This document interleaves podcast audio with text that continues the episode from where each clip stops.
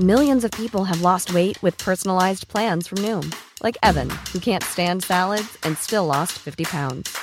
Salads, generally, for most people, are the easy button, right? For me, that wasn't an option. I never really was a salad guy. That's just not who I am. But Noom worked for me. Get your personalized plan today at Noom.com. Real Noom user compensated to provide their story. In four weeks, the typical Noom user can expect to lose one to two pounds per week. Individual results may vary.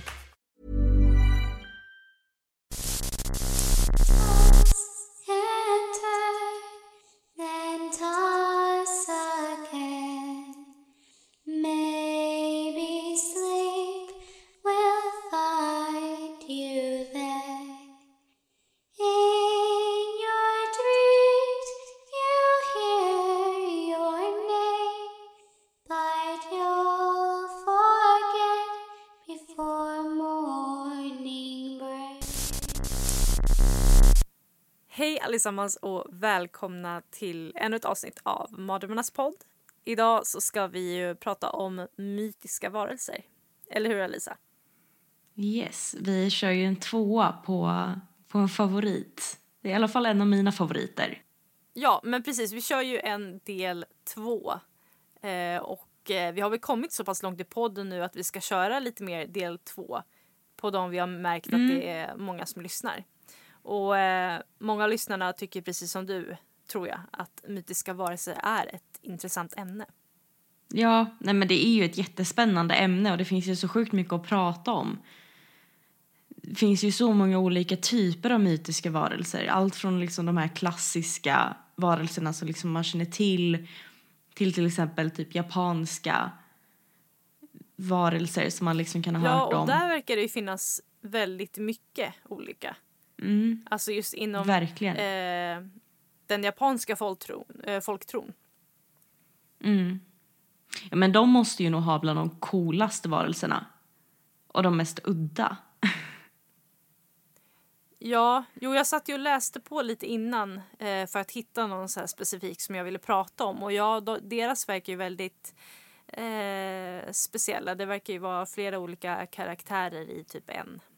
Ja, ja, men exakt. Alltså, det är ju som japanska skräckspel är ju helt sinnessjuka just för att de har sån fantasi när det kommer till sånt där. Ja, jo, men det har man ju märkt både liksom i skräckfilmerna och i böcker och allt det där. Väldigt extrema i eh, det mesta faktiskt. Ja, det är ju det. Men eh, det jag ska snacka om är ju inte japanskt. Är det ju inte. Men jag var tvungen att få med det in i ett hörn där ändå. Eh, nej, jag ska faktiskt prata om en varelse med eh, brinnande röda ögon som kallas för Cthulhu. Aldrig hört talas om. Nej, men till skillnad från många andra varelser så är ju inte det här från någon folktro eller liksom någon så här muntlig berättad liksom tradition. Utan den här varelsen är skapad av H.P. Lovecraft. Som har gjort otroligt Jaha, okej. många skräckvarelser. Mm, ja, det är därför jag känner igen namnet. För jag, jag tror att jag har hört det förut eh, sägas, eller jag läste i alla fall. Ja, okej. Ja. Eh, och just den här varelsen skapade ju han till sin historia The Call of Cthulhu som publicerades i tidningen Weird Tales 1928. Så den finns ju att läsa för den som är intresserad. Eh, något som är rätt intressant med just namnet Cthulhu är ju att det uttalas ju egentligen inte så. Utan namnet Okej. var ju gjort för att uttalas på ett alienaktigt sätt. Så det Kan vi liksom... höra det en gång, Alisa? Åh, jag har tränat på att uttala det här namnet. Och jag kom inte på det rätt. hela nätter ska... och stört sambon. Oh ja. ja. men det ska uttalas på ett så mörkt och alienaktigt sätt. Så att jag kan bara försöka få till uttalet men jag vet inte om jag får till rätt tonläge. men det är Kululu. Så att mycket mer H i.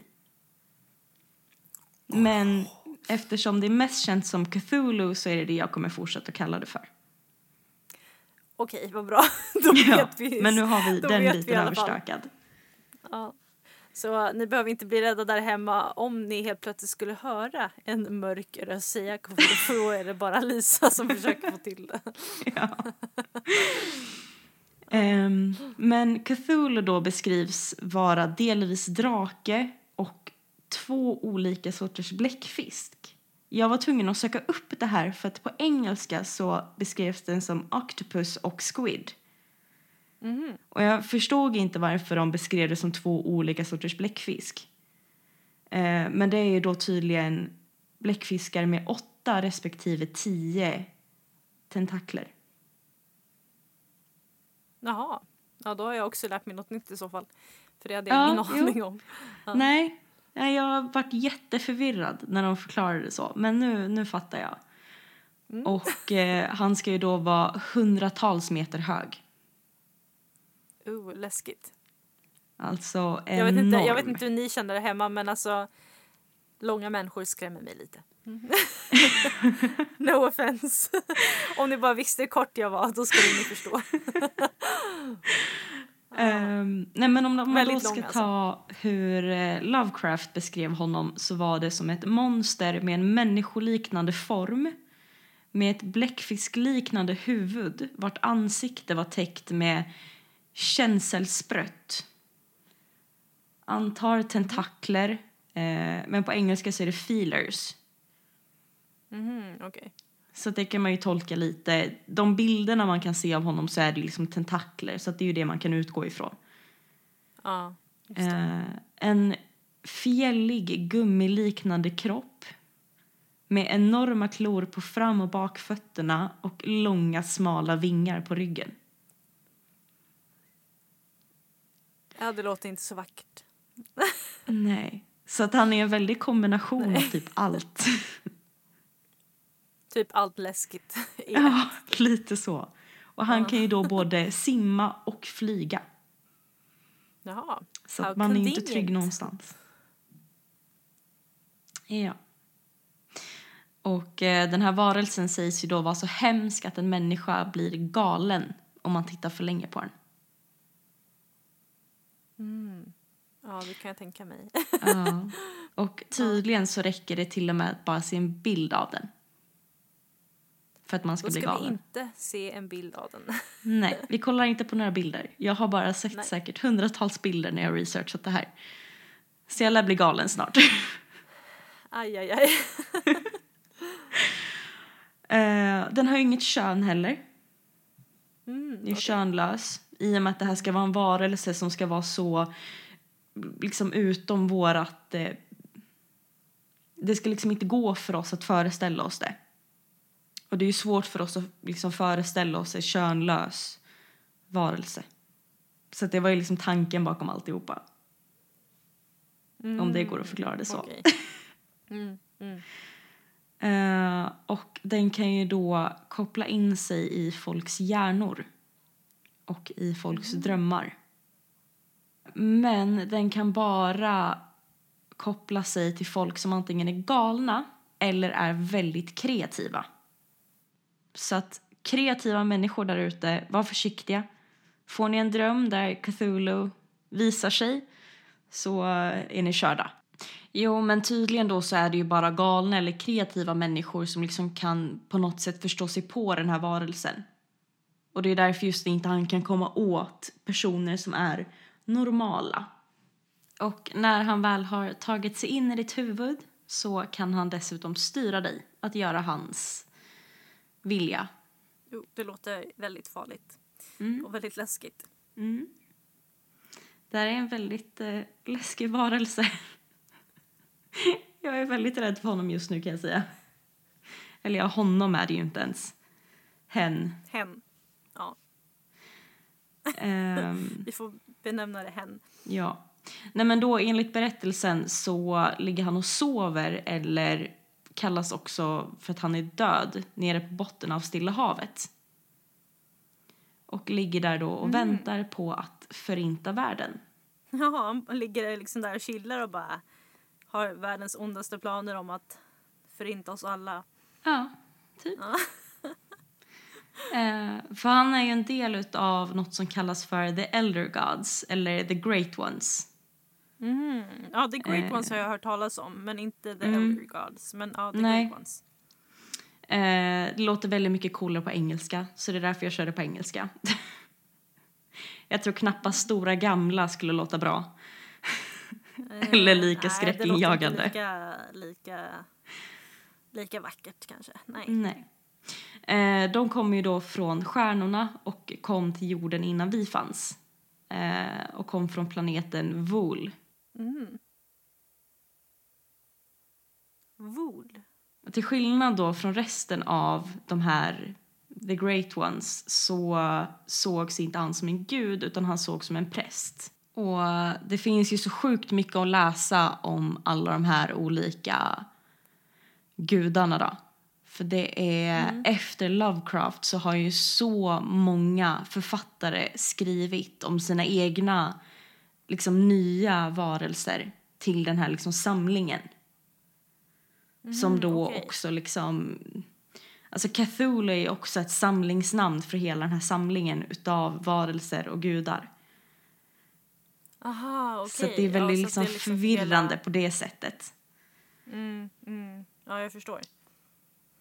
Jag var jätteförvirrad när jag skulle börja researcha för att ena stunden så läste man om varelsen och sen läste man om den här samlingen liksom med varelser.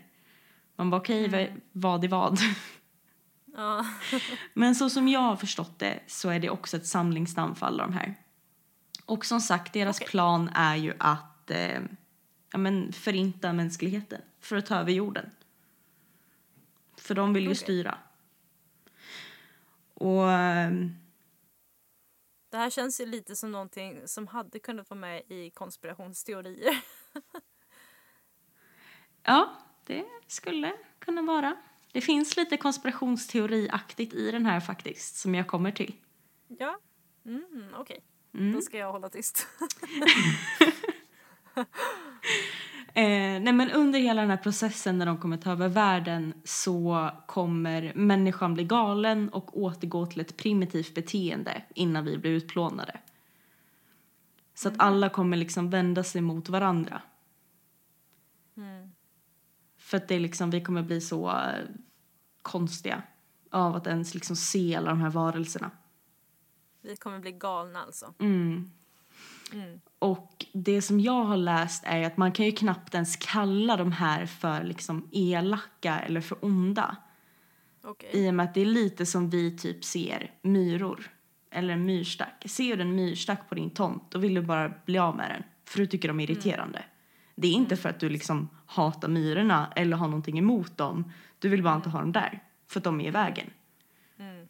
Så att du gör dig av med myrstacken och sen tänker inte du mer på det. Lite så är det så som man kan se hur de ser på oss. Vi bara är i vägen. Mm, jag förstår. Så att det är inte riktigt liksom ondska eller så här, åh, vi ska utplåna mänskligheten, vi hatar dem. Utan det är så här, ja, ni är Vi på är bara våran plats. skadedjur på deras lilla Ja. plätt som de lever på. Exakt. Ja. Ehm, och som sagt så är ju han fast i Stilla havet under den sjunkna staden Relie. Eller Relie. Reile. Det finns många olika sätt att uttala det på. Också ett jättesvårt ord. Ja men precis och jag måste bara tillägga det att ni som lyssnar där ute ni får ha lite överseende med våra uttal ibland på vissa ord för att vi kan omöjligt veta hur orden ska uttalas. Det, Nej. Det går inte. Jag har Så att vi, lyssnat vi på folk som har uttal uttalat dem. går. Ja. Ja. Så att något av det var rätt, antar jag. Ja. Eller så var det väldigt fel. Men ni förstår grejen i alla fall. Ni fattar. Eh, och nu kommer vi ju lite då till det konspirationsteoretiska delen. För att den har ju, enligt många, både setts och hörts. Nej, för att vi har ju hört den snarka. Den ligger ju och sover.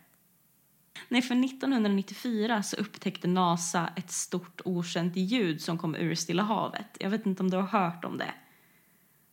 Mm, nej, jag föddes ju det året så att jag, jag, jag hade nog inte riktigt koll där. På. Nej, jag var Nej, inte ens nej, född jag- så att jag- jag har definitivt inte hört. Jag har inte hört om det. Nej. Nej, men det kom ett eh, sånt starkt ljud så att det kunde höras 5000 kilometer bort. Oj. Och inte ens alltså, valar kan göra i närheten av så starka ljud som det här var. Men vad sjukt.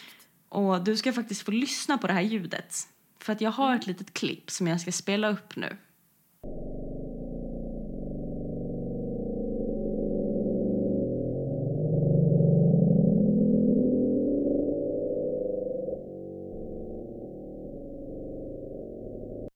Ew, Ja. vad läskigt det lät. Usch, och tänk att höra det så pass starkt också. ja. Och det här är ju taget Vad från fint. alltså, NASA själva.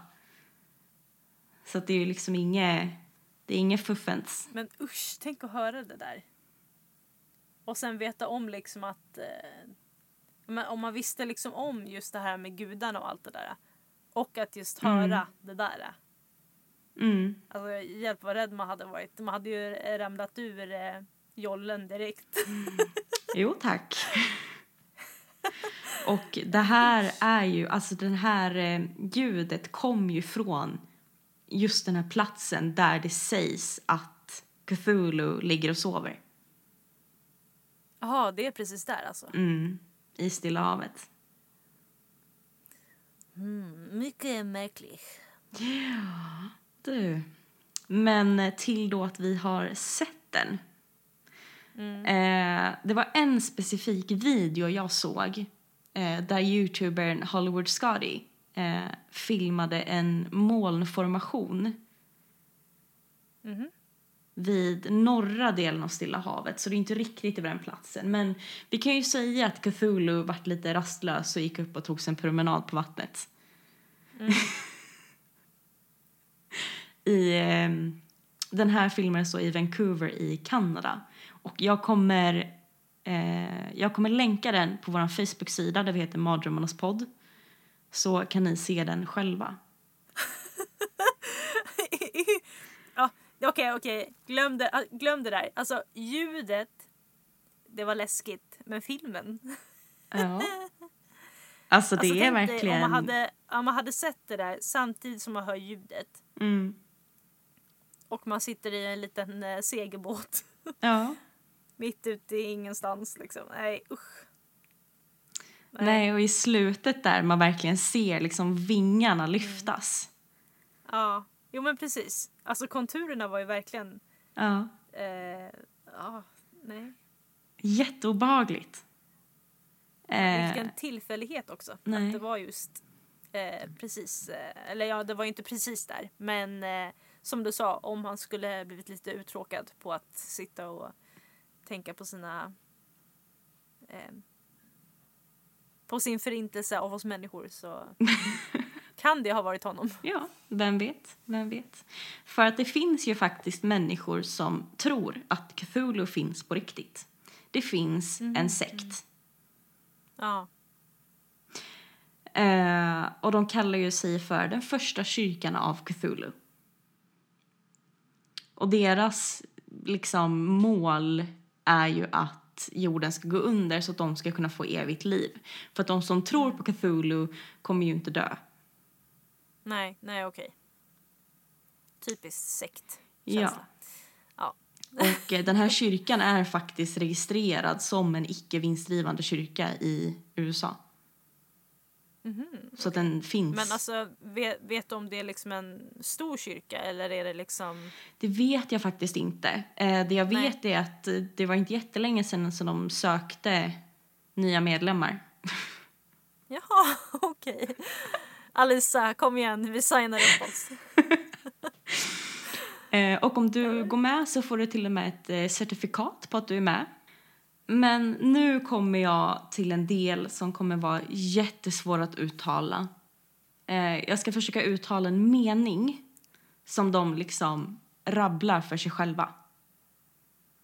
Som är liksom är okej. så här uppväckelsefrasen.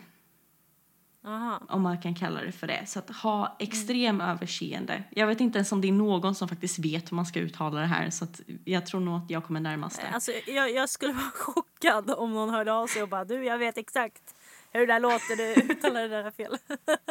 jag är med i den här kyrkan. Okej.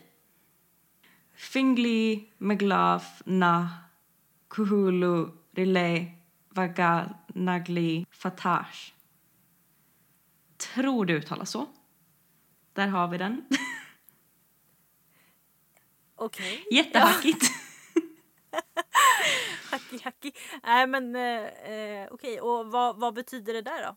Ja, ehm, det översätts i princip till i det här huset av Relie eh, ligger en döda kulhu och väntar drömmande.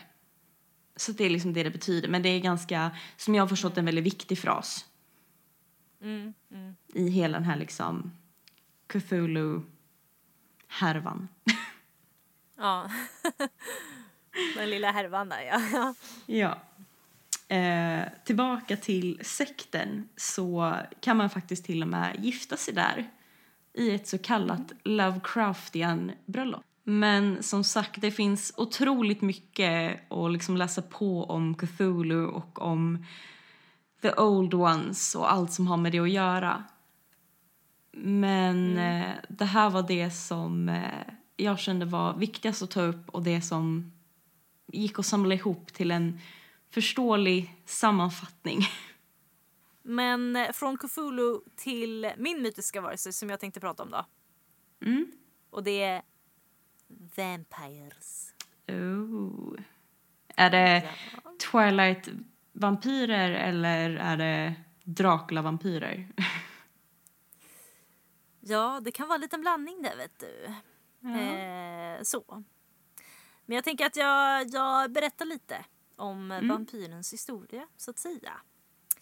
Eh, som du vet så har ju legender om vampyrer eh, funnits en lång tid tillbaka. Ja. Man har ju sett de här gamla filmerna från Dracula och eh, de här när han har jätte- jättelånga öron och Ja, eh, jätteutstående ögon och de här ja, ja men fake precis. De huggtänderna. är superäckliga. Ja, ja men precis. Eh, han har liksom gått från ful till sexig eh, liksom i filmerna. Ja, Det är så här, I modern tid nu så ser han ut som en sexig Dracula. Förr så såg han ut som en riktig... Ja, men som man liksom inte skulle vilja träffa. Alltså man vill inte träffa på en vampyr som såg ut som en vampyr nej. enligt liksom, den filmen. Men riktigt Eh, monster. Ja, men precis. Och beroende på vart i världen så är ju liksom historierna lite olika.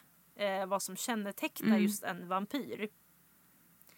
Ehm, eh, vissa säger att det är en varelse som liksom lever parallellt med vår värld.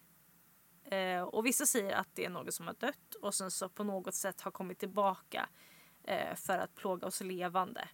Liksom. Mm. Men vad som egentligen är sant, ja det är ju svårt för oss att svara på just för att vampyrerna är just mytisk, en mytisk varelse.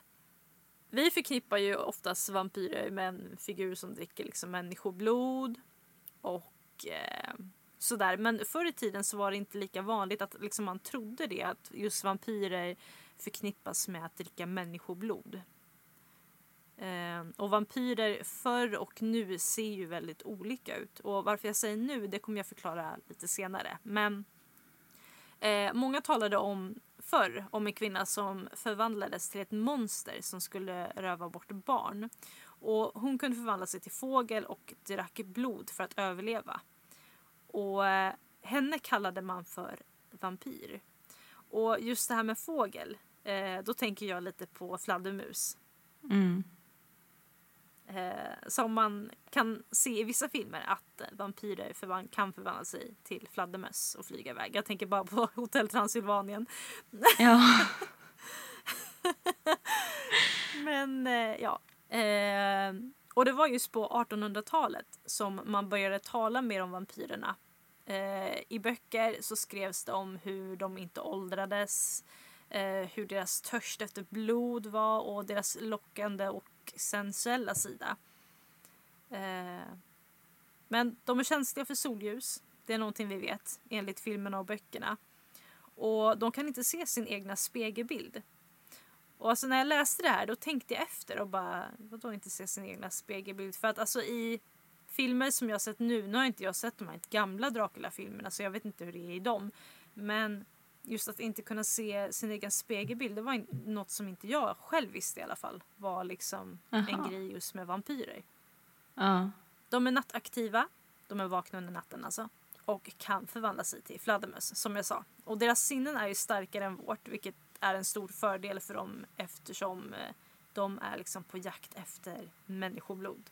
Mm. Så att deras hörsel, syn, smak, allt det där är, är liksom förstärkt. Och eh, hur de förökar sig är ju via sina bett. De liksom biter en männi- människa och så fort den blir biten så blir den vampyr. Just det. Eh, men det finns ju också andra sätt som man kan bli vampyr på. Är det sagt i alla fall. Eh, och det har varit om man till exempel har varit häxa eller trollkarl innan man har dött. Då kan man sen bli vampyr. Mhm. Eller att man dog under en epidemi. Väldigt passande när det är corona och grejer hörni. Vi kommer få väldigt många vampyrer nu. Ja. Eh, nej, men... Eh, och den som dött ensam kunde också bli vampyr. Eh, och sen var det den som hade dött en våldsam död eh, som också kunde eh, bli vampyr. Eh, men det finns ju flera, men just de här tyckte jag eh, passade in mera. För en del av de grejer som stod tyckte inte jag riktigt var eh, okej för mig att prata om i just den här podden. För att eh, det var mycket skrift om eh, olika raser och grejer som jag inte tyckte liksom var okej för oss att prata om i den här podden. Så de har inte jag tagit med. Eh, de struntar Mm. vi eh, Och eh, i folktron så står det om flera olika sätt som man kunde göra sig av med vampyrer på. Och det vanligaste sättet var ju genom pålning. Eh, dock så sägs det ju att vampyrer inte dör av detta men att det håller dem i sina gravar om man pålar dem. Ja, och om ni vill veta mer om pålning så kan ni ju lyssna på vårt avsnitt om avrättningsmetoder för där snackar vi ju faktiskt lite om just pålning. Ja, vi gör ju det. Men någonting som jag hade svårt med var att jag hittade liksom inte varför just, eller hur ordet vampyr liksom kom till. Det tyckte jag var Mm. lite svårt. Däremot så var det mycket snack om för att eh, eh, man ville liksom ha någonting att eh, skylla mystiska dödsfall på. Och därför så kunde man ta till det med att eh, personerna hade blivit utsatta eh, för Mm. vampyrer. Eh, så det känns liksom som att de förr i tiden var mycket sådär att eh, det var många folk som dog, man visste inte vad de dog av så man ville liksom helst ha en förklaring på det. Och då kunde man liksom ta det på till exempel mytiska varelser att eh, det var på grund av dem. Mm. Just det. Mm. Men eh, från dåtid till nutid då? Eh, det finns en man som heter Nicholas Stratloch. Eh, jag vet inte riktigt om eh, efternamnet där uttalas helt korrekt hörni. Eh, han är en man som bor i Los Angeles och är en av 300 000 personer som kännetecknar sig som vampyrer. Jaha. Ja. Alltså att det är en väldigt stor kultur, just vampyrkulturen. Det är extremt många som kännetecknar sig som vampyrer idag. Och, eh, innan den här coronapandemin var, eller är, just, den är just nu, men innan det så har det varit liksom stora fester där just bara de som har kännetecknat sig som vampyrer har blivit inbjudna. Eh, och just främst i Los Angeles så har det varit jättestort med just vampyrism. Och den här Nicholas menar att han till en början inte var vampyr. Men när han vid fem års ålder drunknade och var död under 20 minuter så ska hans kropp blivit besatt av en vampyr. Och nu eh, som nu lever genom honom. Ja, det lät ju väldigt speciellt. Eh, ja, jo men eh, jag tycker det. eh, dock vill han understryka att vampyrismen inte alls ser likadan ut som i eh, filmerna. Eh, han kan till exempel äta vitlök, han älskar vitlök och som ni flesta säkert vet så vampyrer och vitlök det är liksom ett no-no i eh, både filmer och i böcker att eh, vampyrer är allergiska mot vitlök, eh, de kan dö om de äter vitlök och så vidare. Ja. Eh, han kan även se sin egna spegelbild. det kan vara bra när han behöver fixa håret. ja? Och han kan vistas i solljuset utan problem. Och eh, vampyrerna har alltså blivit något modernare än, eh, än eh, förr så att säga. Eh, men dricker blod, det gör han. Eh, och eh, han släcker sin törst genom sin partner som förser honom med blod. Så att eh, han har liksom Oh. hittat en partner som är villig att eh, ge honom sitt blod när Men han gud. behöver det. Ja. Eh, och, Men alltså, hur, hur går det ens in- till? och söka på det. Eh, ja, alltså det som jag fick se, för jag kollade på en dokumentär om det här och det var ju liksom att eh, de använde en skalpell och eh, ja, stack i huden på eh, på den här mannen för Ja. att han är ju gay då. Eh, och sen eh, ja, så sög han ut blodet. Alltså det är liksom inte den här klassiska liksom sticka tänderna i nacken. Nej, nej precis. Han, alltså, visst, han hade ju såna tänder eh, som han liksom har varit och slipat till för att det liksom väl ska matcha med hans eh, inre så. Men, Åh, nej. eh, men eh, nej, utan oftast är det så att det antingen är deras partner som de liksom får blod av. Eller så finns ju personer som är liksom villiga att gå med på att göra det här för, eh, ja, för bra pengar liksom. Ja, just det. Eh, Ja, Så. Och jag tror intressant. att de här personerna som eh, lever som vampyrer eh, betalar i så fall ganska bra för att få det de törstar efter så att säga. Mm, jo.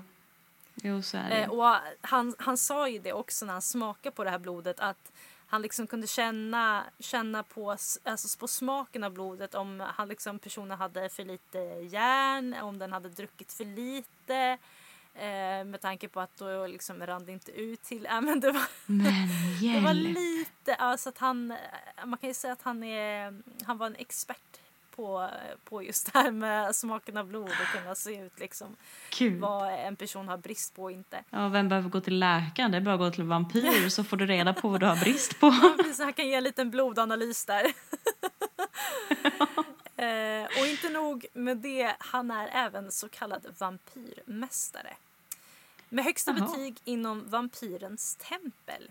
Och templet är en internationell kyrka med strikta kriterier för att bli medlem. Så det här är alltså en eh, kyrka, vampyrens tempel. Oh. Och eh, vampyrismen har ju blivit så populär så organisationer såsom The Vampire Church, eh, Dragons Order eh, med mera har startats eh, nu under 2000-talet. För att det var just under 1990 och framåt som eh, det har blivit väldigt, eh, väldigt stort med just vampyrismen. Mm. Och eh, som ni vet så finns ju en hel del mord som liksom har blivit eh, nämnda med just att ha någonting med vampyrism att göra. Som till exempel vampyrmordet som skedde här i eh, Stockholm Mm. eh, för flera, flera år sedan. Eh, med mera. Och jag tänkte ta upp ett fall som satte skräck i Japan. Eh, Mhm. om en man som eh, blev kallad för The Human Dracula.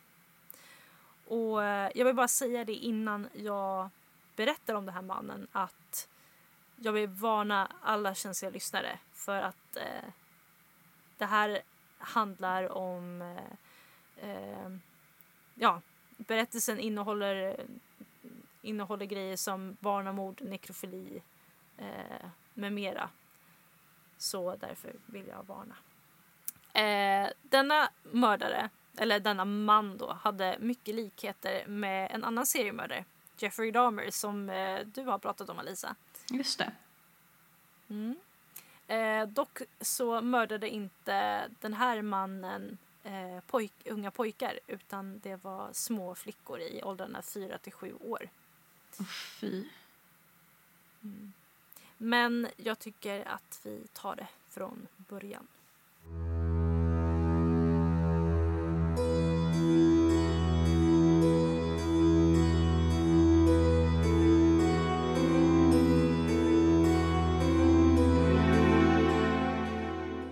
Den 21 augusti 1962 så föds Susumu. Han föds in i en rik familj där föräldrarna arbetade på ett tidningsföretag som var välkänt i Tokyo. Hans föräldrar arbetar långa dagar och hans farfar får därför ta hand om honom. Hans familj anställer en barnflicka som stöd till Tsusomus farfar. 1988 så dör hans farfar, mannen som i princip uppfostrade honom sedan han föddes och Tsusomu faller in i en djup depression. I desperation så äter Susumu askan av sin farfar för att ha en del av honom kvar.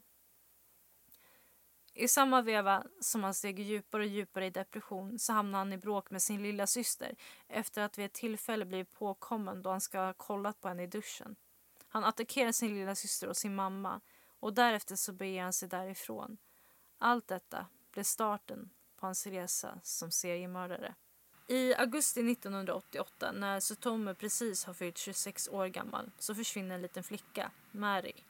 Mari är bara fyra år och var hos en kompis och lekte när hon ska ha blivit inlurad i Tsusomus bil. Han kör snabbt ifrån platsen med den lilla flickan bredvid sig i bilen. Han stannar upp i närheten av en bro och sitter där med lilla Mari i 30 minuter innan han sen mördar henne. Därefter utsätter han henne för sexuellt våld. Han lämnar hennes lilla kropp i närheten av hans hem och kommer sen tillbaka för att hugga av händer och fötter. Dessa ska han ha sparat i sin garderob och det är sedan där poliserna kommer finna dem. Resten av kroppen brände han och kremerade och skickade sedan ett brev med, till flickans föräldrar med dotterns aska, tänder och några foton på flickans kläder hon ska ha haft på sig vid försvinnandet. Och på brevet ska det ha stått Mari, kremerad, ben, undersöka och bevis. Oh, fy alltså. Mm, och det var liksom hans allra första mord som Ja. han eh, begick. Ja, snacka Eh, om att väldigt han grovt. började stort eller man ska säga. Ja, jo men verkligen. Och eh, eh, ja, men alltså en fyraåring. Nej, helt sjukt. Ja. Det... Och det som det blir bara sjukare kan jag säga. Bara två månader senare så ska Sutomu slå till igen. Denna gången blev det en sjuårig flicka vid namnet Masami. Han hade sett henne vid en landsväg och frågade om hon behövde skjuts. Hon tackade ja och steg in i bilen. Han kör sen tillbaka till den där bron där han ska ha mördat Mari bara två månader tidigare. Han dödar henne, utsätter hennes lik för sexuella övergrepp och tar sen hennes kläder och skyndar sig därifrån. Två månader tillgår och vi är nu inne i december 1988. Denna gången för han bort fyraåriga Erika.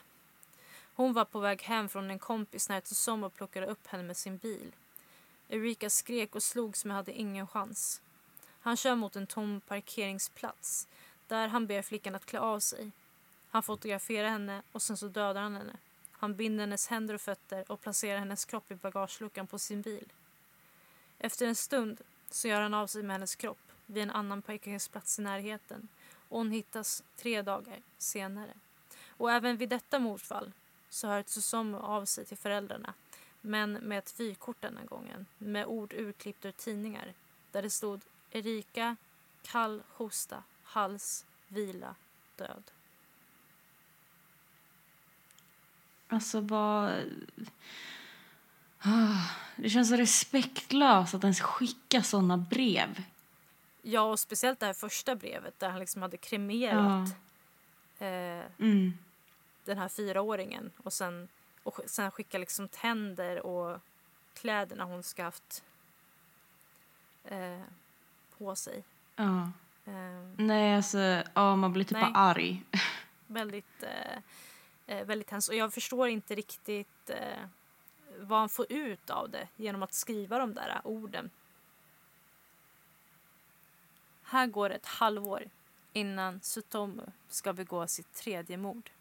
Denna gången blir en femårig flicka tillfrågad av Sutomu om han kan ta några bilder av henne. Hon accepterar och därefter lockar med sig henne till sin bil där han dödar henne. Han tar sedan med sig hennes kropp till, en, till sin lägenhet där han tillbringar två dygn med kroppen. Efter två dygn så gör han sig av med kroppen som han ska ha styckat i delar. En del av den lämnar han på en kyrkogård och en annan i ett par buskar och händerna behåller han. Han dricker även hennes blod och äter en del av hennes kött. Två veckor senare så blir Tsutomu rädd för att bli påkommen av polisen. Han tar sig därför tillbaka till kyrkogården och samlar ihop alla delarna för att sen gömma dem i sin garderob. Ja, det måste väl ligga och ruttna där inne. Ja, jo, jag vet inte liksom eh, hur...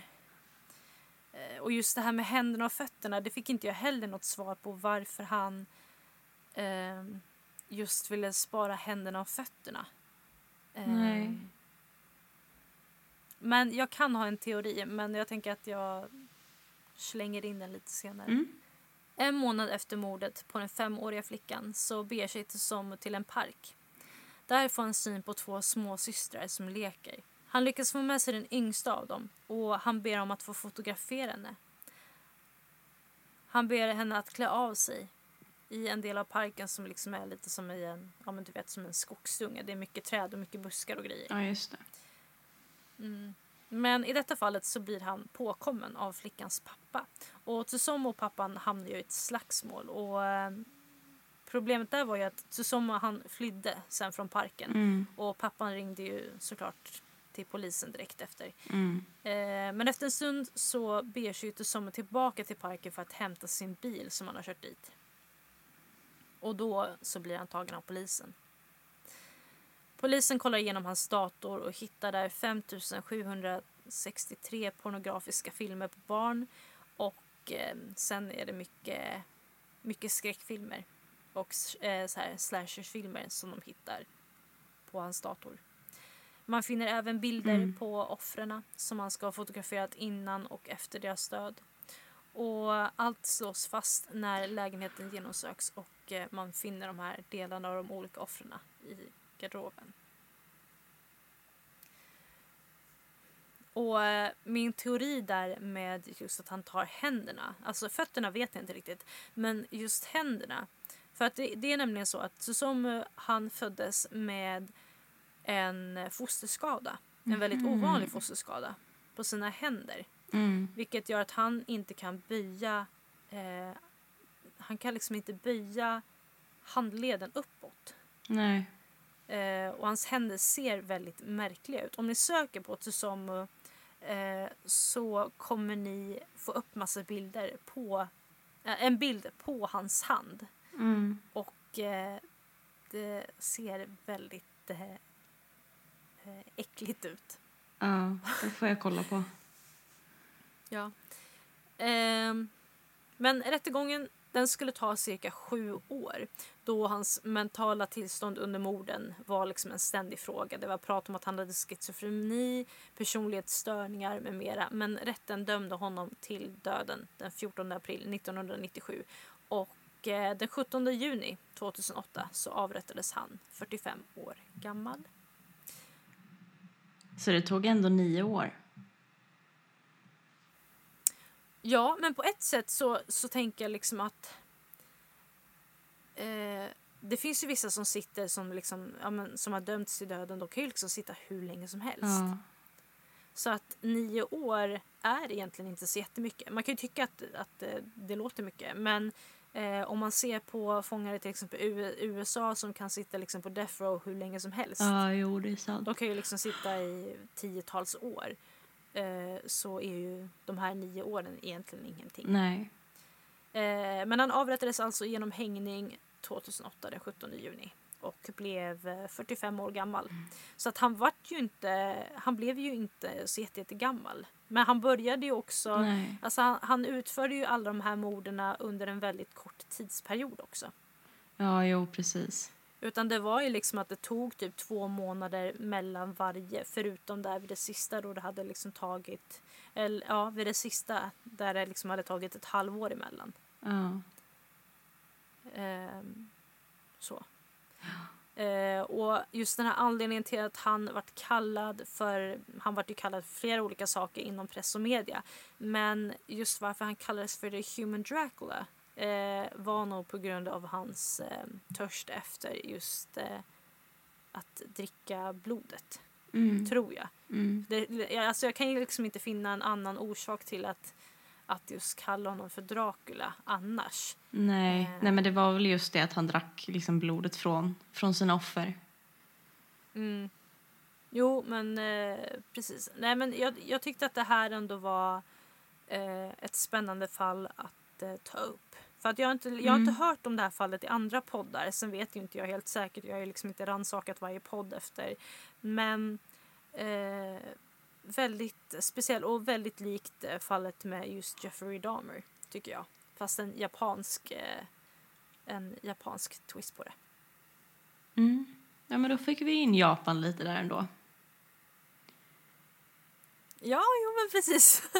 Det kom in där. Vi band ihop säcken fint där på Ja. slutet.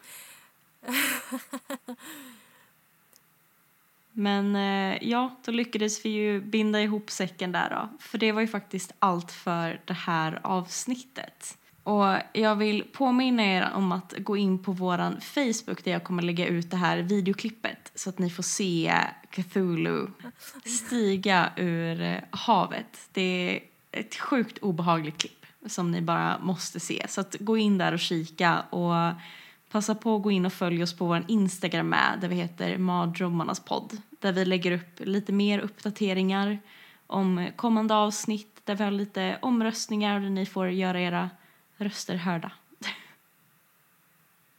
Och innan vi säger hej då nu så vill vi också berätta att vi kommer ha ett julspecialavsnitt som kommer ut nu den 17 december. Där vi ska prata om lite gott och blandat. Men som har med läskigheter med julen att göra. Så det vill ni inte missa. Vi kommer köra ett litet kortare uppehåll efter det. Men vi är tillbaka igen den 7 januari. Men eh, det kommer vi också uppdatera er lite mer om framöver. Men ha det bra nu så länge så ses vi i mardrömmarnas värld.